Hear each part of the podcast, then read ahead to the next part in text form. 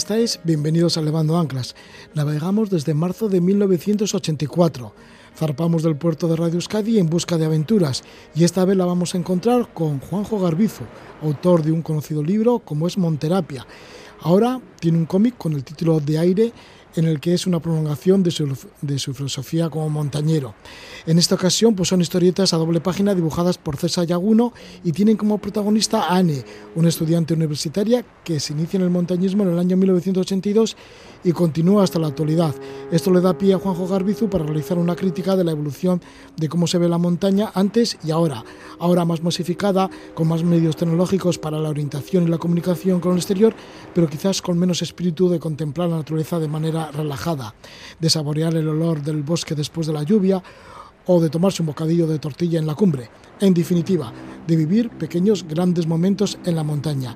Y de esto trata el cómic Aire.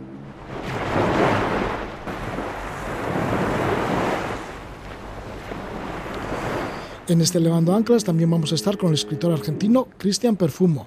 Él se ha criado en la Patagonia, vivió siete años en Australia y se casó en Tasmania. También ha residido en Puerto Rico y ahora está afincado en Barcelona. Es autor de novela negra con escenarios patagónicos, como es el caso de Rescate Gris, una historia basada en la erupción del volcán Hudson que expulsó enormes cantidades de ceniza que se extendieron por la Patagonia argentina. Hablaremos de este hecho, hablaremos de su novela, pero sobre todo hablaremos de las andanzas de Cristian Perfumo, de este escritor, por diferentes lugares, tanto en Patagonia como en Australia. Esto es Levando Anclas, comenzamos ya.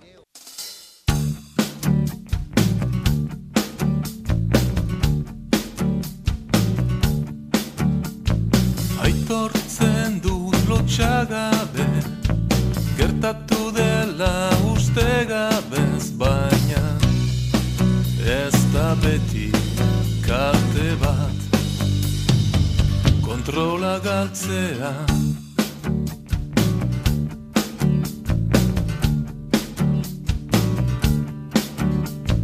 Naiz eta aipatu mentura Ez ginen gai egitza autua Beharri natura. U baino argiagoa da.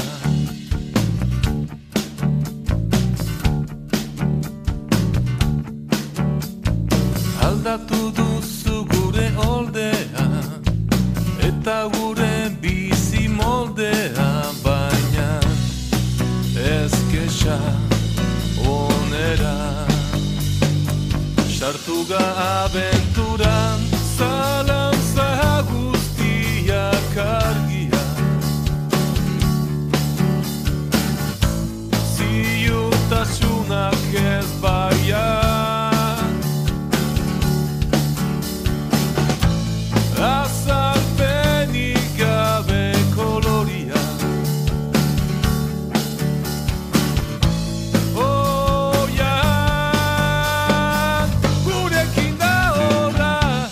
Es el trío de bajo, batería y guitarra Murgi, con el tema Oyan de su disco Gitoan. Estamos con Juanjo Garbizu. Juanjo Garbizu en el texto y César Yaguno en los dibujos son los autores del cómic, un cómic de montaña con el título de Aire. Juanjo Garbizu es alpinista, escritor de Donostierra, practica de forma continua la montaña desde el año 1979, es conocido como autor de Monterapia, Cuesta Arriba se piensa mejor. El libro gozó de una gran acogida. Dio su nuevo paso sobre mm, lo relajada que puede ser la filosofía montañera en el libro Slow Mountain, porque en la montaña el tiempo se detiene. También ha escrito una guía sobre el Parque Natural y Sierra de Aralar y ahora aparece el cómic Aire, con sus textos y, como decimos, dibujos de César Yaguno. En él se relata la historia de Anne y Eric, dos estudiantes de periodismo en la Facultad de Leyoa en el año 1982. Encuentran en el monte Inspiración un pulmón de libertad en el que saborear la vida en toda su plenitud y en armonía con la naturaleza. Se da un salto de 1982 al año 2008. Anne continúa con la práctica del alpinismo, pero la sociedad se transforma, y se transforma además a gran velocidad, y la montaña no permanece ajena. Es una historia bañada de nostalgia en la que se confronta la montaña de hace 40 años con la actualidad. Vamos a hablar de ello con Juanjo Garbizu, de este cómic de aire. Juanjo, bienvenido, Gabón, buenas noches. Caixo, buenas, ¿qué tal, Roge? Bien, para empezar el título, aire, ¿por qué aire? Wow, buena pregunta. Bueno, eh, a mí me gusta la palabra aire porque el otro día comentaba precisamente el dibujante César Yaguno que es una palabra que no dice nada y lo dice todo. Es, para mí es terriblemente evocadora, ¿no? Quizás en la montaña lo que buscamos muchas veces es precisamente buscar un cambio de aires, ¿no? De, de, de nuestra vida cotidiana, ¿no? Y luego además yo tenía la intención de buscar un título corto, eh, porque bueno, soy publicista y entonces ya estaba visualizando cómo podría ser la portada del, del cómic, cuál podría ser la viñeta para ilustrar esa portada y, pensaba que aire, aparte de que tiene mucho contenido, es un muy buen continente gráfico para hacer una portada como realmente ha salido, que, que es, es impactante. Sí, es impactante, bien bonita, ¿no? Así con un cielo azul claro, claro, y luego se ve pues como un pico que está nevado y arriba del pico pues está la chica, la protagonista Anne, ahí en medio un piolet y al otro lado pues está su perrito, ¿no? que está muy tranquilo y los dos pues como saboreando el paisaje y el escenario y una pequeña nube que sale de, de la boca de, de, Anne, que es, bueno, pues me imagino del frío que hace, ¿no? Sí, además, mira, ese, ese tema del Bau Roge es... es, es bueno, es nube, Bau, quiero decir. Sí, no, no, pero es importante porque mmm, resulta que eso es una aportación de la tercera pata de este cómic, que es Felipe H. Navarro, es un madrileño dibujante de cómics, y él es el responsable de ese color tan bestia, tan atractivo que tiene el cómic. Y cuando creamos la, la portada y, y, la pasó César, que dibuja básicamente en blanco y negro, con algunas leves indicaciones de color, esa, ese BAU fue idea y lo añadió eh, Felipe y creemos que es fundamental precisamente para esa portada y para ese concepto de aire. Sí, porque el mismo nombre de aire y luego el mismo dibujo da como oxígeno, ¿verdad? Es como que todo como muy oxigenado, todo como muy limpio, muy fresco. Exactamente, de alguna manera es el verbo respirar, ¿no? O sea, en la montaña lo que buscamos es respirar en toda la amplitud que tiene la, la palabra. Y ese dibujo, gracias a Sebau, yo creo que cuadra perfectamente con ese concepto. Juanjo, ¿y aparecen todos los grandes temas que ya te preocupaban en anteriores libros, como Monterapia o Slow Mountain? Sí, en realidad Aire es, bueno, una adaptación de esa filosofía que desarrollé en los dos libros que has citado, ¿no? De estamos, a ver, yo por, por la edad que tengo, he sido testigo directo de, de la transformación en la manera de, acudir o de disfrutar la montaña, ¿no? Eh, yo soy inmigrante digital, yo durante muchos años he vivido en una, en una sociedad analógica, sin internet, y quieras o no, Internet y sobre todo las redes sociales, el postureo, entre otras cosas, ha cambiado mucho el ritmo de la, de la montaña, ¿no? Y estaba asistiendo, por ejemplo, la erupción de, de las carreras de montaña, de los trails, y que en las revistas especializadas se iba relegando, digamos, la montaña más tradicional frente a la montaña más competitiva, ¿no? Y aire ahonda en formato gráfico que es muy atractivo, aporta diferentes matices. Bueno, pues es este gran tema, ¿no? Que es eh, recurrente tanto en Monterapia como en Slow Mountain. Y estos temas van apareciendo en diferentes historietas, ¿no? Cada dos páginas hay una historia. ¿Cuál es la base de todo ello? ¿Cómo son amigos Eric y Anne? cómo se van haciendo amigos en la facultad y por qué tiran hacia la montaña. Sí, lo que dices es importante, es decir, porque al final es un cómic de formato europeo que se llama, que tiene una extensión parecida a lo que podría ser un Tintín, un Luke Luke, es decir, anda en torno a las 60 páginas. Este modelo de historias autoconclusivas cada dos páginas me ha permitido ahondar en muchos, en muchos temas, ¿no? La base es lo que dices, la protagonista real es Anne, porque Anne sí que está presente a lo largo de toda la historia, y bueno, pues es una estudiante de, de, periodismo ahí en Leyoa en el año 82 y tiene un amigo que es de, de, origen sueco, que es Eric. No me acuerdo el apellido porque era muy complicado, el que sale en el libro. Y sí, porque es sueco, ¿no? Es sueco, efectivamente. Y, y, Eric, digamos, que tiene un poquito más de tablas en esto de la montaña y Anne le, le acompaña, ¿no? Y es, bueno, pues esa montaña más reflexiva, más contemplativa, más ingenua, más propia de los años 80, ¿no? donde no se buscaba tanto una competición, donde se llevaba una cámara de fotos que cuidabas muy mucho qué fotos ibas a hacer, porque básicamente tenías un carrete de, de 36 eh, fotos. Y bueno, la montaña, vamos viendo diferentes escenarios, cómo se consolida su amistad y vamos tocando esos temas eh, que de alguna manera, bueno, son mis, mis eh, no te voy a decir obsesiones, ¿no? Pero son mis preocupaciones reflejadas en los libros. Y luego, lo que comentabas, se produce un salto temporal de, de 40 años y vemos una anemadura en plena sociedad actual, digital, cómo ha cambiado tan, de forma tan drástica la, la montaña, aunque ya la sigue disfrutando, una montaña introspectiva, y eh, con sentido del humor, porque yo lo que quiero es arrancar incluso eh, sonrisas y a veces con una eh, mirada irónica y, y, siempre nostálgica, pues bueno, vamos tocando esos temas de, de, mis libros. El sentido del humor y la simpatía, porque Ana al principio, cuando es joven, pues siempre está como muy sonriente, mm, eh, pelo moreno, así pelo largo, luego ya pelo más cortito, eh, con canas, con bastantes canas, sí. pero sin embargo ahí continúa en plena forma y además de todo esto, pues ese, con ese sentido del humor, aunque siempre muy crítica todo, ¿no? Sí, la segunda parte del cómic, el, personaje de Anne, y además, bueno, una cosa curiosa, eh, a la hora de desarrollar el guion, yo empecé con Anne adulta. Me resultaba más complejo hacer la personalidad de Anne adulta y una vez ya perfilada, mm, era más sencillo eh, rejuvenecerla, ¿no? Hacerlo hacerla más ingenua, pues con 22, 23 años, poco como hemos sido todos, ¿no? La Anne adulta sí que es cierto que, es muy crítica. Eh, incluso había momentos cuando estaba perfilando el personaje que pensaba, bueno, tampoco voy a cargar las cintas, no quiero, no quiero que sea un personaje borde, ¿no? Pero sí que hay un tema que, por ejemplo, yo que tengo mucha influencia del, y César también, de los cómics de, de, de, de Tintín, Siempre he pensado que precisamente en el universo de Tintín el personaje menos atractivo es Tintín, porque es tan políticamente correcto que da un poquito de, ¿sabes? Y son personajes más atractivos, pues por ejemplo Haddock, con su mal humor, ¿no? Entonces, eh, a, la, hora de crear la identidad de Anne, también buscaba un poquito esas aristas un poquito más afiladas, ¿no? Y que sea un personaje tan, eh, tan bueno. Sí, además de esta crítica, pues sobre todo a esa, a esa, evolución de la montaña en los últimos años, además de todo esto, pues también hay ese amor a la montaña, ¿no? Y a lo que se produce en la montaña, esa inspiración, esa evocación, ese mundo fresco, natural, bien oxigenado, ¿no?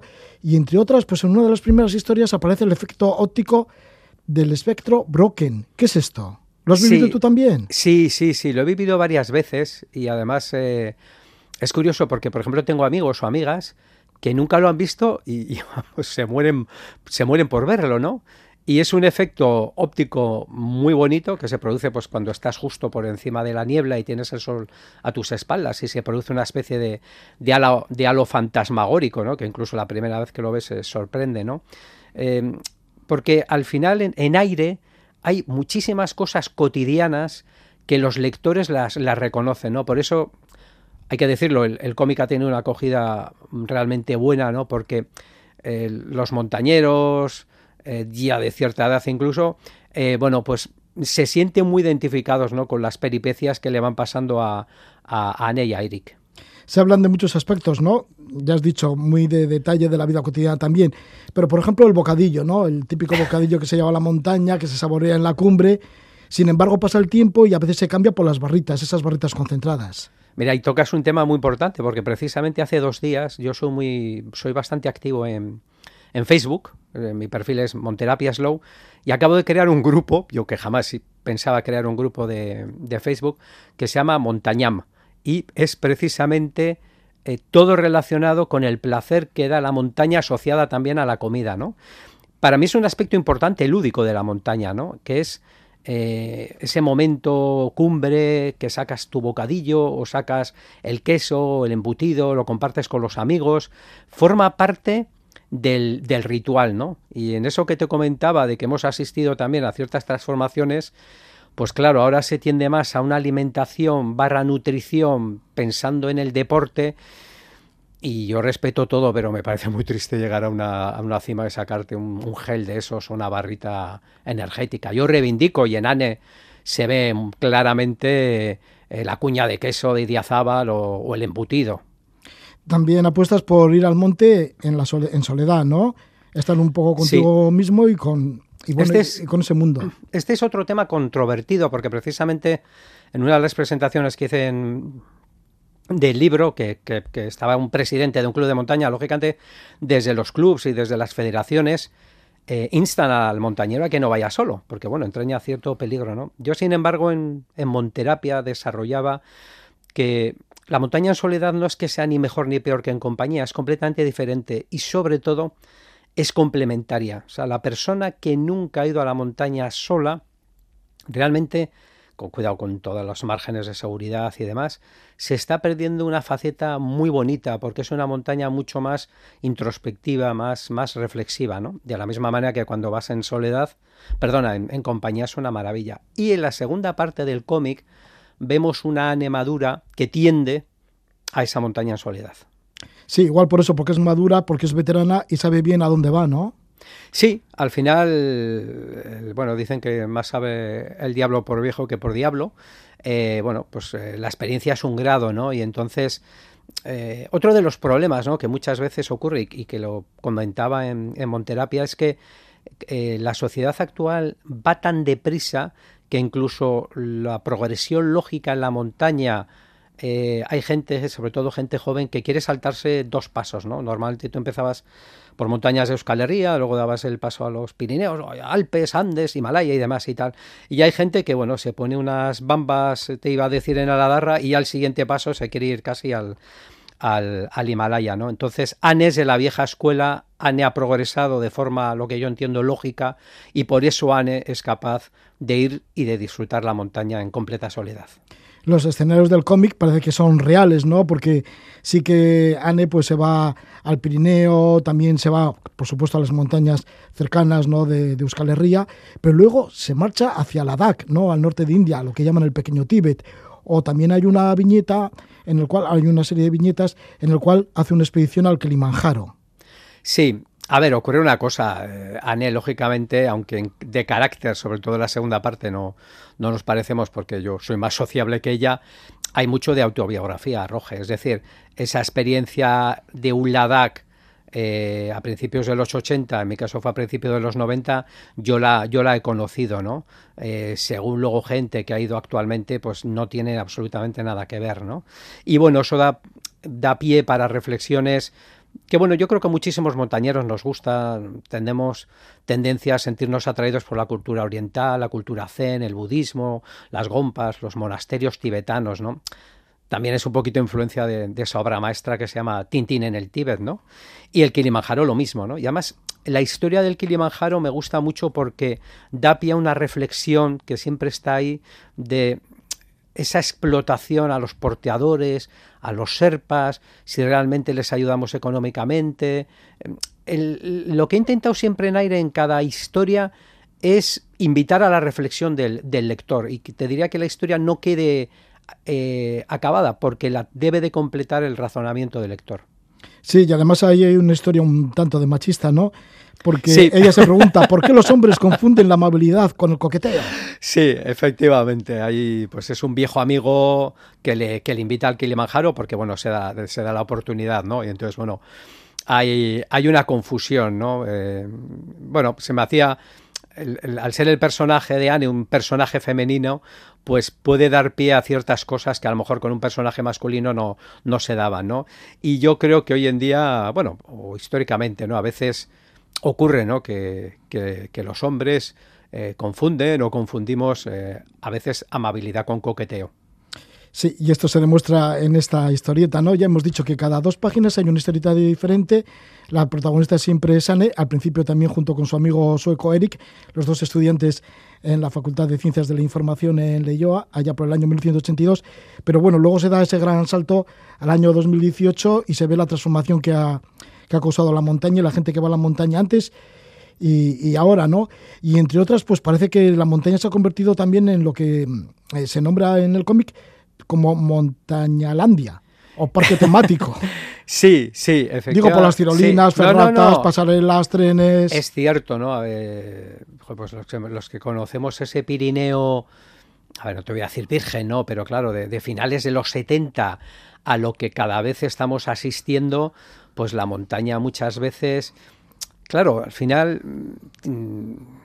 hay, hay, localidades pues que intentan eh, sacar provecho económico de, de, las montañas, ¿no? Los trails, las carreras de montaña eh, son una fuente de ingresos muy importante. Un pueblecito perdido en un recondito valle que si tiene que vivir de los cuatro bocadillos que le van a comprar a lo largo del año los montañeros, pero claro, si logra que de repente sea cabecera de, de, una carrera de montaña, pues claro, puede ser fantástico, ¿no? Y luego toda esa infraestructura, toda esa chatarrería, ¿no? Eh, que se está incorporando, ¿no? Para hacer una montaña más accesible a todo el mundo. Y ves, y aquí se abre otro debate, Roge, eh, apasionante, ¿no? ¿Debe de ser cualquier rincón del Pirineo asequible para todo el mundo? Eh, yo recuerdo que hace años escuché, leí que había un proyecto de colocar un teleférico hasta la cima del, del Cervino. Eh, o sea, ¿dónde están un poco los límites? ¿no? Y eso también, lógicamente, está, está reflejado en aire. Sí, y también está reflejado en aire pues los tiempos actuales, ¿no? Por ejemplo, los influencers, hay un personaje que se llama Gigi Klim, Gigi Klim una mujer que es una influencer. Eh, bueno, también está el tema de mm, las nuevas cargas montañeras en Sí, los sí. refugios, que van Sí. a un refugio y entonces empiezan a hablar los montañeros en el refugio y parece que no entiende mucho qué palabras se utilizan, ¿no? Sí, eh, efectivamente, en ese desgranar, siempre en clave de humor, eh, pues, pues aspectos novedosos ¿no? de la montaña. A mí el personaje de Gigi Klim que, mencionas eh, me encanta. O sea, es una. Yo creo que tendría, podría tener hasta un cómic solo, ¿no? Sola, una especie de spin-off. Porque, como te digo, yo soy muy, muy activo en, en Facebook. Yo, por tanto, formo parte de ese problema. Alguien podría decir, joder, tú criticas a los influencers, pero estás todo el día dando la tabarra desde Facebook, ¿no? Con tus eh, publicaciones de, de montaña, ¿no? ¿Por qué se produce este fenómeno? Porque realmente en esa búsqueda del mayor número de likes, la montaña es el marco perfecto de, lucimiento, ¿no? Y es lo que le ocurre a esta, chica, a Gigi Klim, que además la trasladamos al, al Valle de los Sarrios, porque como bien has apuntado antes, hay escenarios reales que yo espero que el lector eh, sepa re reconocerlos, ¿no? Y, y, Gigi Klim en realidad no es un amante de la montaña como yo entiendo un amante de la montaña, es más una chica que está intentando hacerse camino en el dificilísimo mundo de las redes sociales. Ahora todo el mundo joven quiere ser influencer y encuentra la montaña el sitio perfecto por, por, estética, porque es un marco idóneo, por tema de pseudoaventura, ¿no? Para, para, para lucirse en las redes. Luego está el tema de la masificación de la montaña, cada vez más masificada. Bueno, sí, cada vez hay más superpoblación y cada vez hay más megaurbes y tenemos ganas todos de escapar a la montaña, ¿no? Pero se dan cosas curiosas, ¿no? Que aparecen en el cómic. Esto de los baños de bosque, que a veces se convierte en baños de multitudes.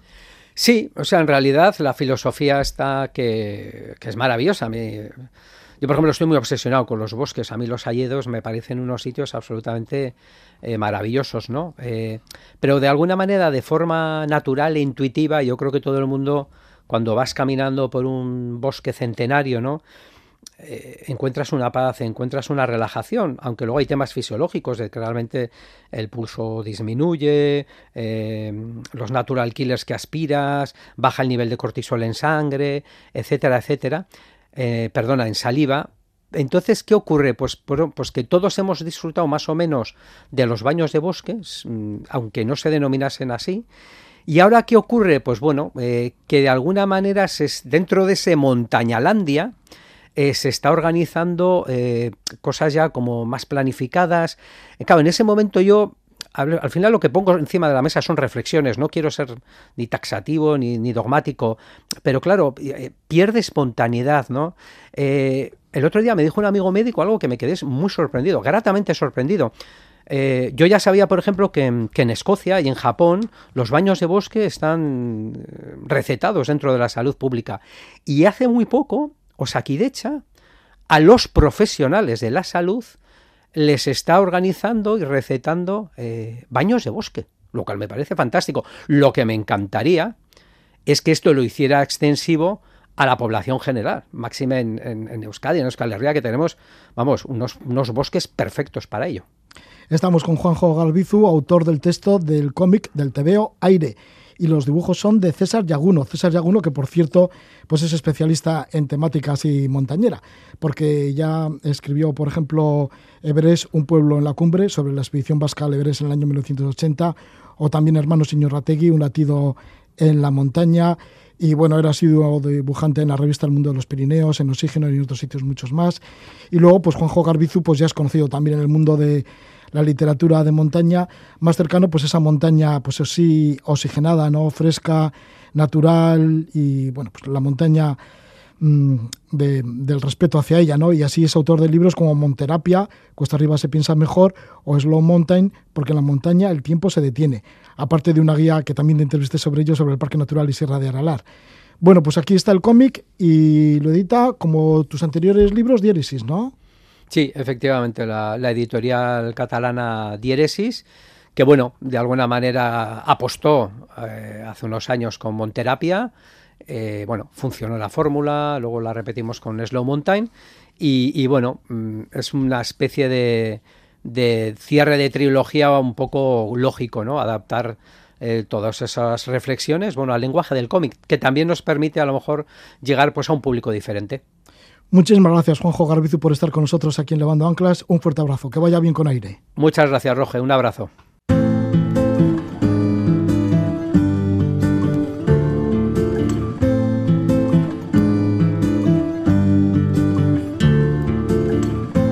Cactus suaviza mis semas con su piel.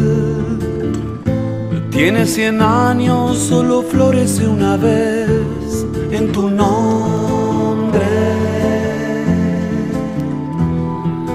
Nombre. Y tiene un veneno más amargo que la hiel Solo invocarte voy a convertirlo en miel en tu nombre, en tu nombre.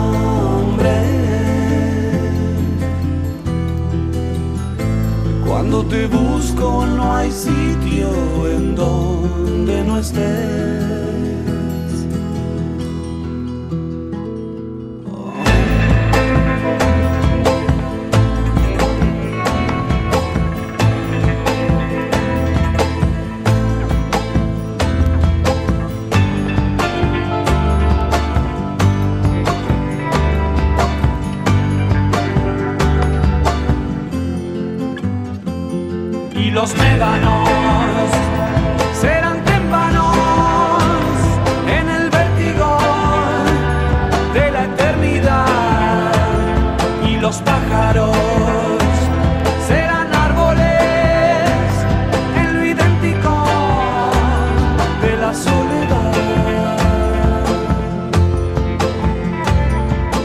Cantante argentino ya desaparecido, Gustavo Cerati, con el tema Cactus de su disco Fuerza Natural, Gustavo Cerati, que fue miembro fundamental de un grupo que ha dejado marcado la música rock y pop de Argentina, como fue Soda Stereo.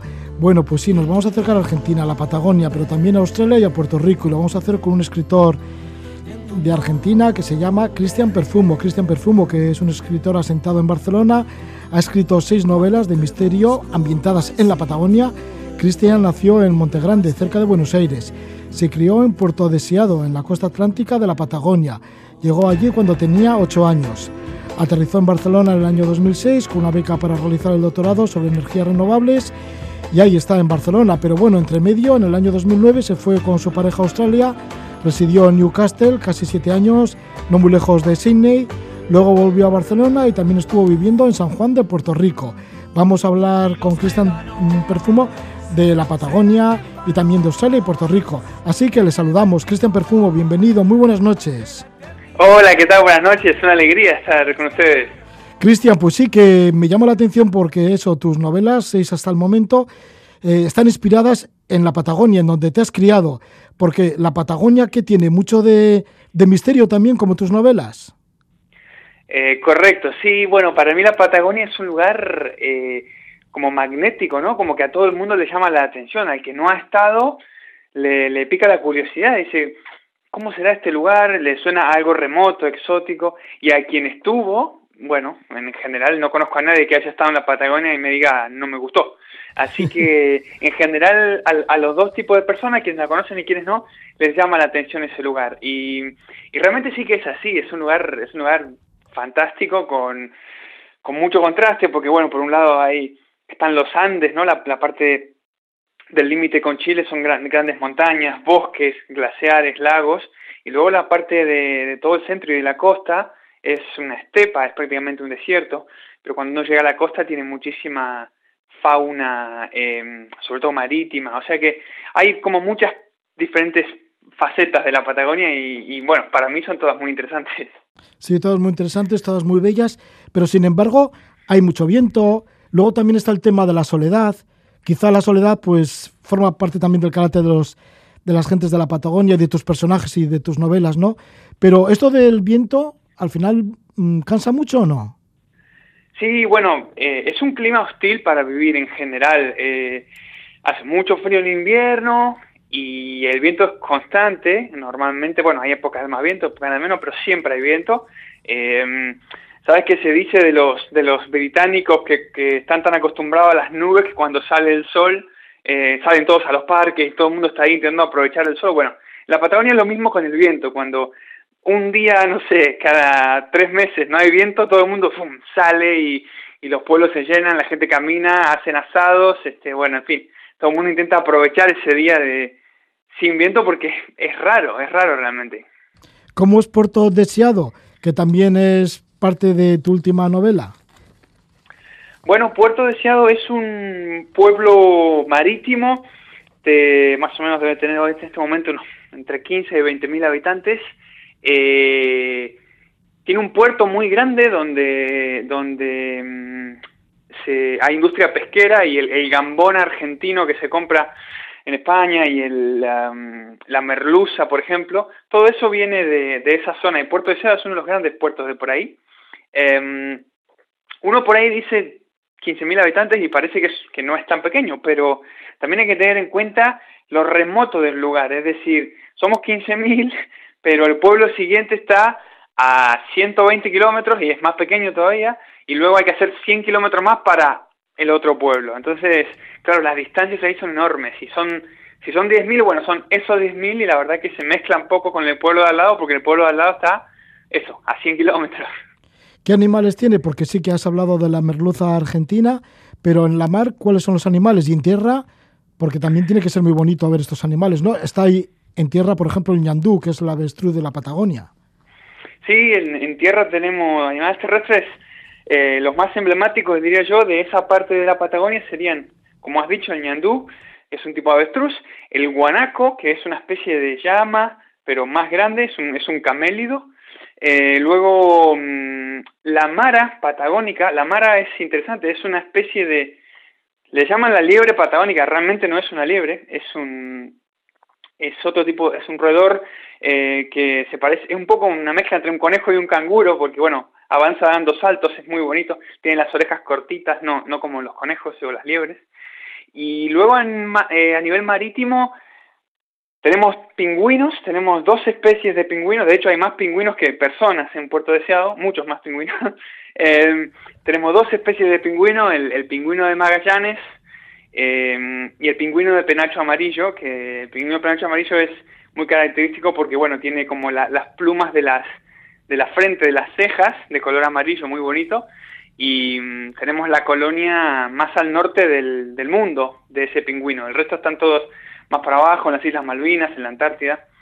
Eh, y luego hay un tipo de delfín del que yo soy un gran fan, que es el segundo delfín más pequeño del mundo. Se llama la tonina overa, overo significa blanco y negro, y es como una especie de orca en miniatura, es decir, es un, es un delfín pequeño, de un metro, creo que no llega al metro y medio, eh, pero que es blanco y negro, un poco con el patrón parecido al de una orca.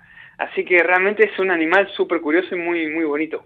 Ya, animales curiosos, fíjate, los que con los que te has criado ¿no? en la Patagonia, pero luego hablaremos de Australia, que también tiene sus animales bastante particulares. sin duda. sí, pero bueno, ¿y los personajes? Porque seguro que, que hay un montón de personajes que te inspiran para tus novelas, personajes novelescos. Digo, con tanta soledad, con tanta inclemencia, ¿cómo son los personajes? ¿Cómo sois los de la Patagonia?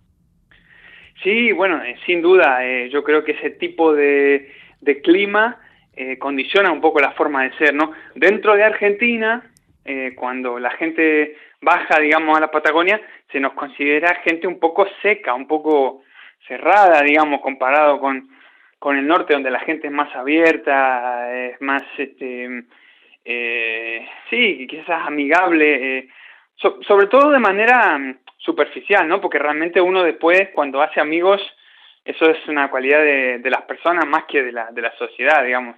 Eh, pero la sociedad lo que se ve es esa primera impresión, y esa primera impresión que damos es de ser un poco más secos que el resto de, de la Argentina, y quizás sí que tiene que ver con la sequedad del, clima, el frío y eso. ¿Los gauchos de la Patagonia son diferentes a los gauchos de la Pampa? Yo creo que sí, yo he tenido la oportunidad de, de conocer gente que vivía en campo, en la Patagonia. Mira, eh, para que te des una idea, un tamaño, digamos, normal de un campo, o sea, en la Patagonia, en la región donde yo vivo, se necesitan 5 hectáreas para una oveja. Y eso no es un error de, de no me estoy equivocando, eh, piénsenlo bien, 5 hectáreas por oveja. Eh, en 5 hectáreas en el País Vasco probablemente pueda meter un montón de ovejas, pero, pero en la Patagonia no.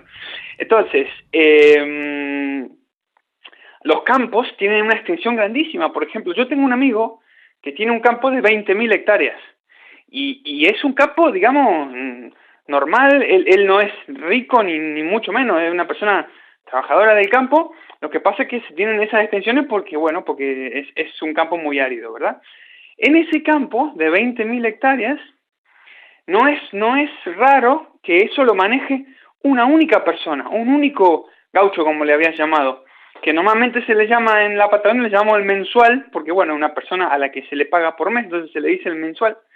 Y ese mensual, para los trabajos de la esquila, por ejemplo, o del baño de la oveja, otro tipo de trabajo de campo, sí que viene gente a ayudarlo, pero luego para el día a día el tipo está solo. Y claro, son 20.000 hectáreas, a lo mejor el vecino más cercano, que es el campo de al lado, está a 15, a 20 kilómetros, y a lo mejor el tipo se pasa un invierno entero solo ahí, eh, en la, con el frío, ahí con su, con sus perros, con sus gallinas, con su, con las provisiones que le deja el patrón, y realmente bueno, son, claro, son una especie de, de superhumanos realmente, como cómo pueden vivir, ¿no? Eh, eh, en, en, ese lugar. Luego, por otro lado, ya podríamos hablar de, de si está bien o no está bien que una persona viva en esas condiciones. Pero eso es otro tema. Pero no es, no es poco común eh, ver gente así en el campo de la Patagonia. Lo que sucede en la Patagonia y cómo se vive en la Patagonia. Y es que en tu última novela, Rescate Gris, también pues comentas un sucedido, ¿no? Cuando estalló el volcán Hudson, que esto está situado en Chile, a muchos kilómetros de Puerto Deseado, que es el lugar en donde se desarrollan los hechos, ¿no? De tu novela Rescate Gris y comentas pues de que eh, el volcán estalló y llegó pues cantidad de cenizas que fueron arrastradas y arrojadas a todo lo ancho de la Patagonia Argentina y ahí se quedaron también en Puerto Deseado.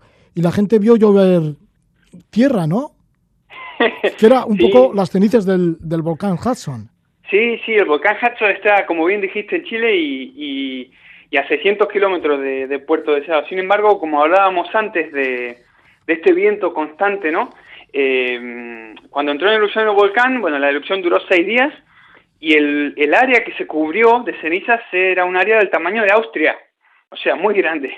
Y, pero no hay muchos pueblos en esa zona de la Patagonia, así que a lo mejor en un área del tamaño de Austria hay 10, 15 pueblos. Y uno de los pueblos era Puerto Deseado, que es mi pueblo donde yo me crié, así que tuve la, no sé si suerte o desgracia de vivir eso, vivir eh, un pueblo cubierto en, en, ceniza volcánica, realmente es algo que no me voy a olvidar nunca, porque bueno, es, es surrealista realmente. Me preparó para lo que vendría muchos años después, en el 2020, que es estar todo el día con la mascarilla puesta. sí, otra situación que parece surrealista, pero bueno, que es real, ¿no? Sí, totalmente real, sí, sí, sí. Lo, sí, sí. De hecho, lo pueden buscar en Wikipedia, el volcán Hudson, y van a ver eh, que, bueno, sí, sí es de verdad.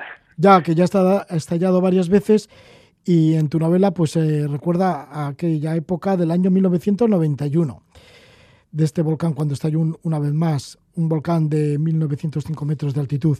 Pero bueno, dejemos la Patagonia y te fuiste a Australia, ¿Qué encontraste en Australia? Porque estuviste situado en Newcastle, que está alrededor de 144 kilómetros al norte de Sydney, y ahí permaneciste durante siete años. Ahí fuiste junto con tu compañera, ¿no?, a vivir. ¿Y qué, qué vivíais? ¿Vivíais, trabajabais, estudiabais?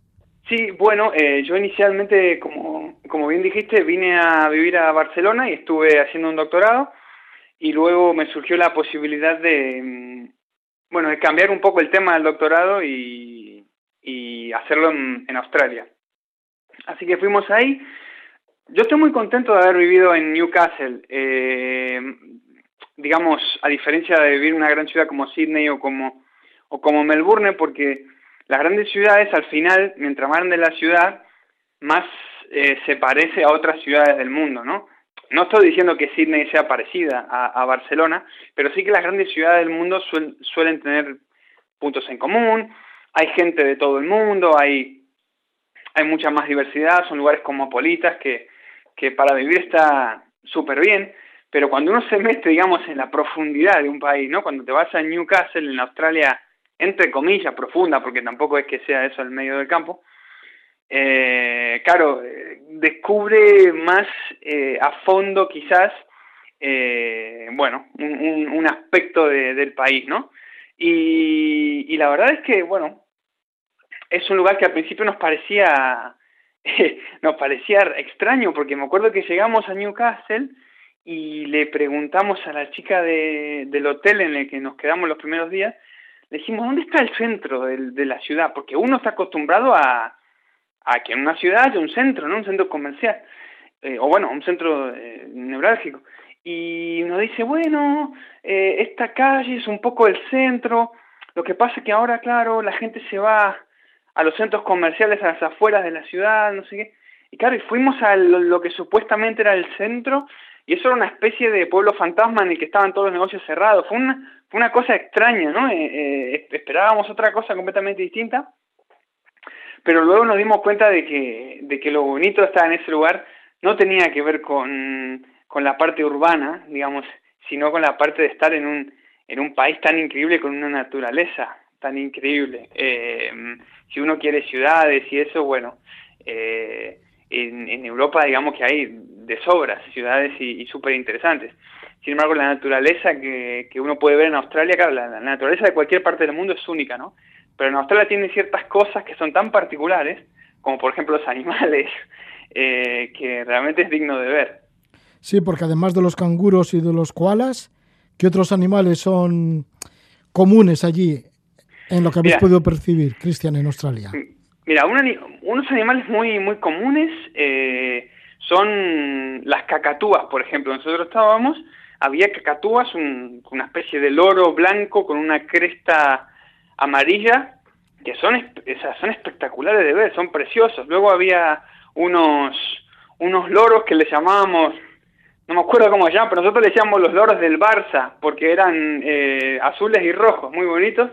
Em, y luego hay un pájaro que, es muy, curioso también, que se llama la cucaburra, la cucaburra reidora. Es un pájaro que se, su canto es como una risa, se parece un poco a un, como a, como a un mono realmente, es como, bueno, lo voy a, no sé si hacerlo, es un poco como, así, la cucaburra, y, y es, un, es un pariente, o sea, está emparentado al martín pescador, es ese tipo de pájaro, pero bueno, es, es carnívoro, come, come serpientes, por ejemplo, nos salen muchas serpientes, come lagartos también, come otras cosas, pero también te come, nos enteramos, eh, la barbacoa, el pedazo de carne. Un día fuimos a hacer una barbacoa a un parque, y pero fue una cuestión de instantes, ¿eh? O sea, dejamos el plato ahí con, con la carne, nos dimos vuelta a hacer no sé qué, y vino el pájaro y se llevó un pedazo de carne del plato, increíble. Y se lo comió además en un árbol adelante nuestro, como diciéndonos, te robé y, te lo muestro, me vas a ver comiendo tu carne en primera plana. Sí, sí, pues vaya con la cocaburra reidora.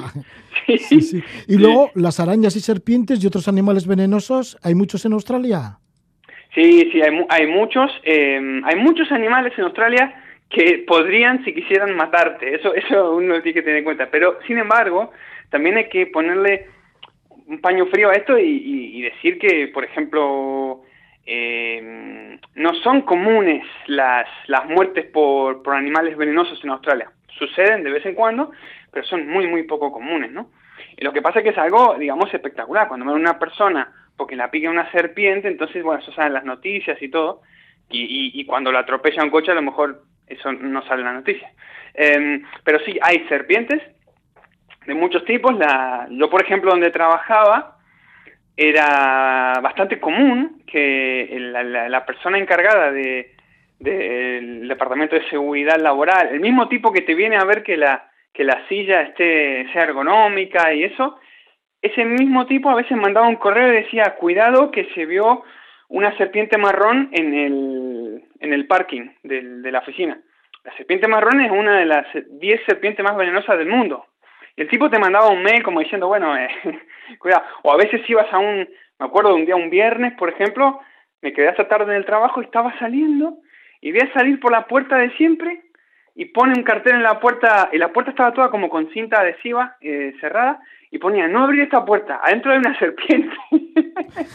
claro, habían encontrado una serpiente, se había quedado ahí adentro, y hasta el día siguiente no iban a poder traer a la persona que las, que las saca de ahí y se las lleva, ¿no?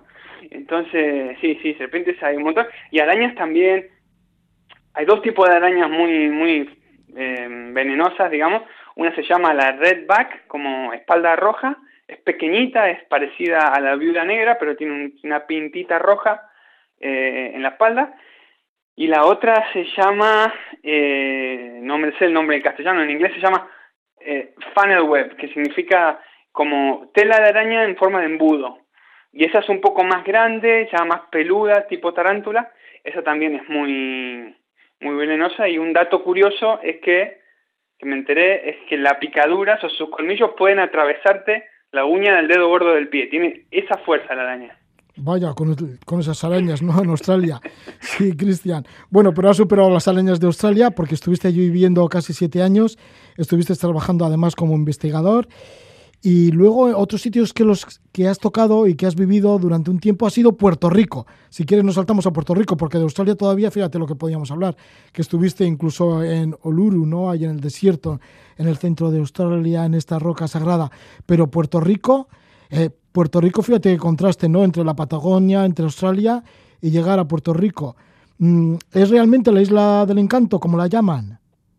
Yo considero que sí, que es un, que es un lugar maravilloso. Realmente no solamente por, bueno, porque está en pleno Caribe y entonces la naturaleza ahí es espectacular, las playas son muy bonitas, sino porque la gente realmente, la gente puerto, eh, puertorriqueña es, es fantástica, son gente súper agradable, súper amable, muy divertida, muy, muy, muy de la música, de la fiesta, de, sí, sí, son gente muy, muy cercana realmente, muy cálida. Y eso hace que unos, mira, una cosa que hablábamos con mi mujer, es que eh, a nosotros nos, yo he tenido la suerte de que, bueno, he vivido en muchos países y me han tratado bien, en, en, en, todos los países de, en los que he estado me han tratado bien, en España, en Australia. Sin embargo, en Puerto Rico, eh, cuando uno hablaba, cuando uno habla y te escucha un acento de otro lado, bueno, primero te preguntan, ¿no? ¿De dónde es uno? Te preguntan qué estás haciendo y uno le dice, no, bueno, vine a trabajar o vine a hacer esto, vine a hacer otro. Y la mayoría de la gente, el 50% o más, terminaban la conversación con, bueno, bienvenido a Puerto Rico, ¿sabes? Te decían, bienvenido a Puerto Rico. Eso yo no lo he visto en ningún lugar del mundo. Yo no, yo no veo en el día a día que, que en Barcelona la gente le diga a un inmigrante, eh, bienvenido a Barcelona, bienvenido a Cataluña, bienvenido a España. No lo, no, se dará, pero no lo veo eh, en el día a día y eso en Puerto Rico nos pasaba día sí, día también. Fue una cosa que, bueno, encantados quedamos. Así que te, hace te haces familiar enseguida de toda la gente, ¿no? Por lo menos amigos de, de los puertorriqueños. Y algunos de los lugares en donde has estado en Puerto Rico que llaman la atención es uno de ellos, Isla de Culebra. ¿Cómo es esta Isla de Culebra? La isla de Culebra es, es una isla, bueno, relativamente pequeña al, al noreste de, de la isla de Puerto Rico. Eh, sería, digamos, así como están las islas, islas vírgenes británicas y las islas vírgenes eh, estadounidenses, La isla de Culebra sería lo que fueron en algún momento las Islas Vírgenes Españolas, Culebra, Vieques y otras islas que hay por ahí. Culebra es una isla a la que se llega, bueno, en un, o en un avión o, o, en un ferry que sale que sale todos los días, pero que en ese momento que vivíamos nosotros ahí era como súper complicado conseguir eh, tickets para el ferry porque había muy poquitos, se, se acababan enseguida, había que hacer unas colas kilométricas. Fuimos con el padre de un amigo que fue a las 3 de la mañana a hacer la cola, bueno, y consiguió el, el, el billete para el ferry.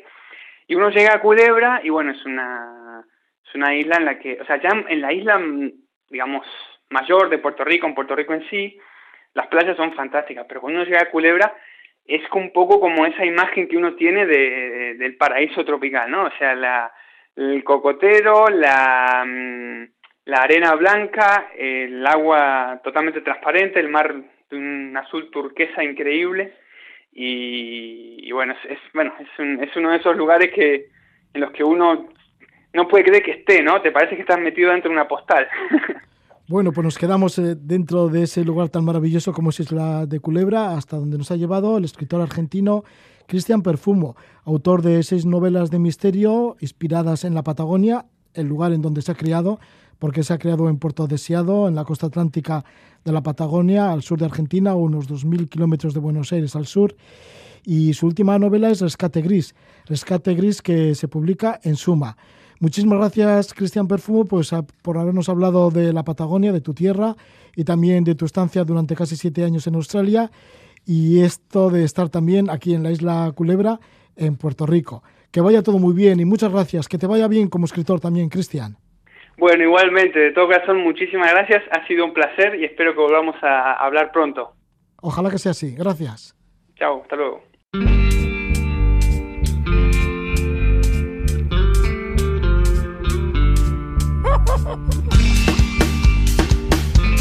Cristian Perfumo, un escritor con raíces en la Patagonia, pero que ha llegado a vivir en Australia y a casarse en Tasmania. Ponemos punto final a esta edición de Levando Anclas con la cantautora de Buenos Aires, radicada en México, Loli Molina, con el tema Lo Intempestivo. Buena prueba, excelente semana, hasta el próximo programa de Levando Anclas, Dulces Sueños. Afuera del tiempo están las preguntas las luces y sombras que no tienen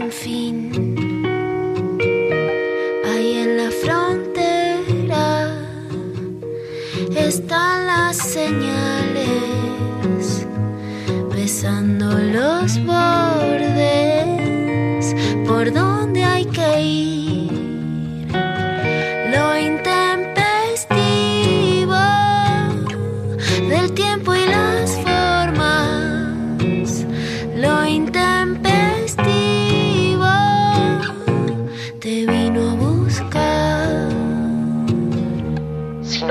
Colocamos por fuera del presente, no incidimos. Si repetimos sus fórmulas, lo reproducimos. Solo nos queda habitar la frontera, transitar los márgenes, pensar desde el entrecruce de los tiempos, ser intempestivos.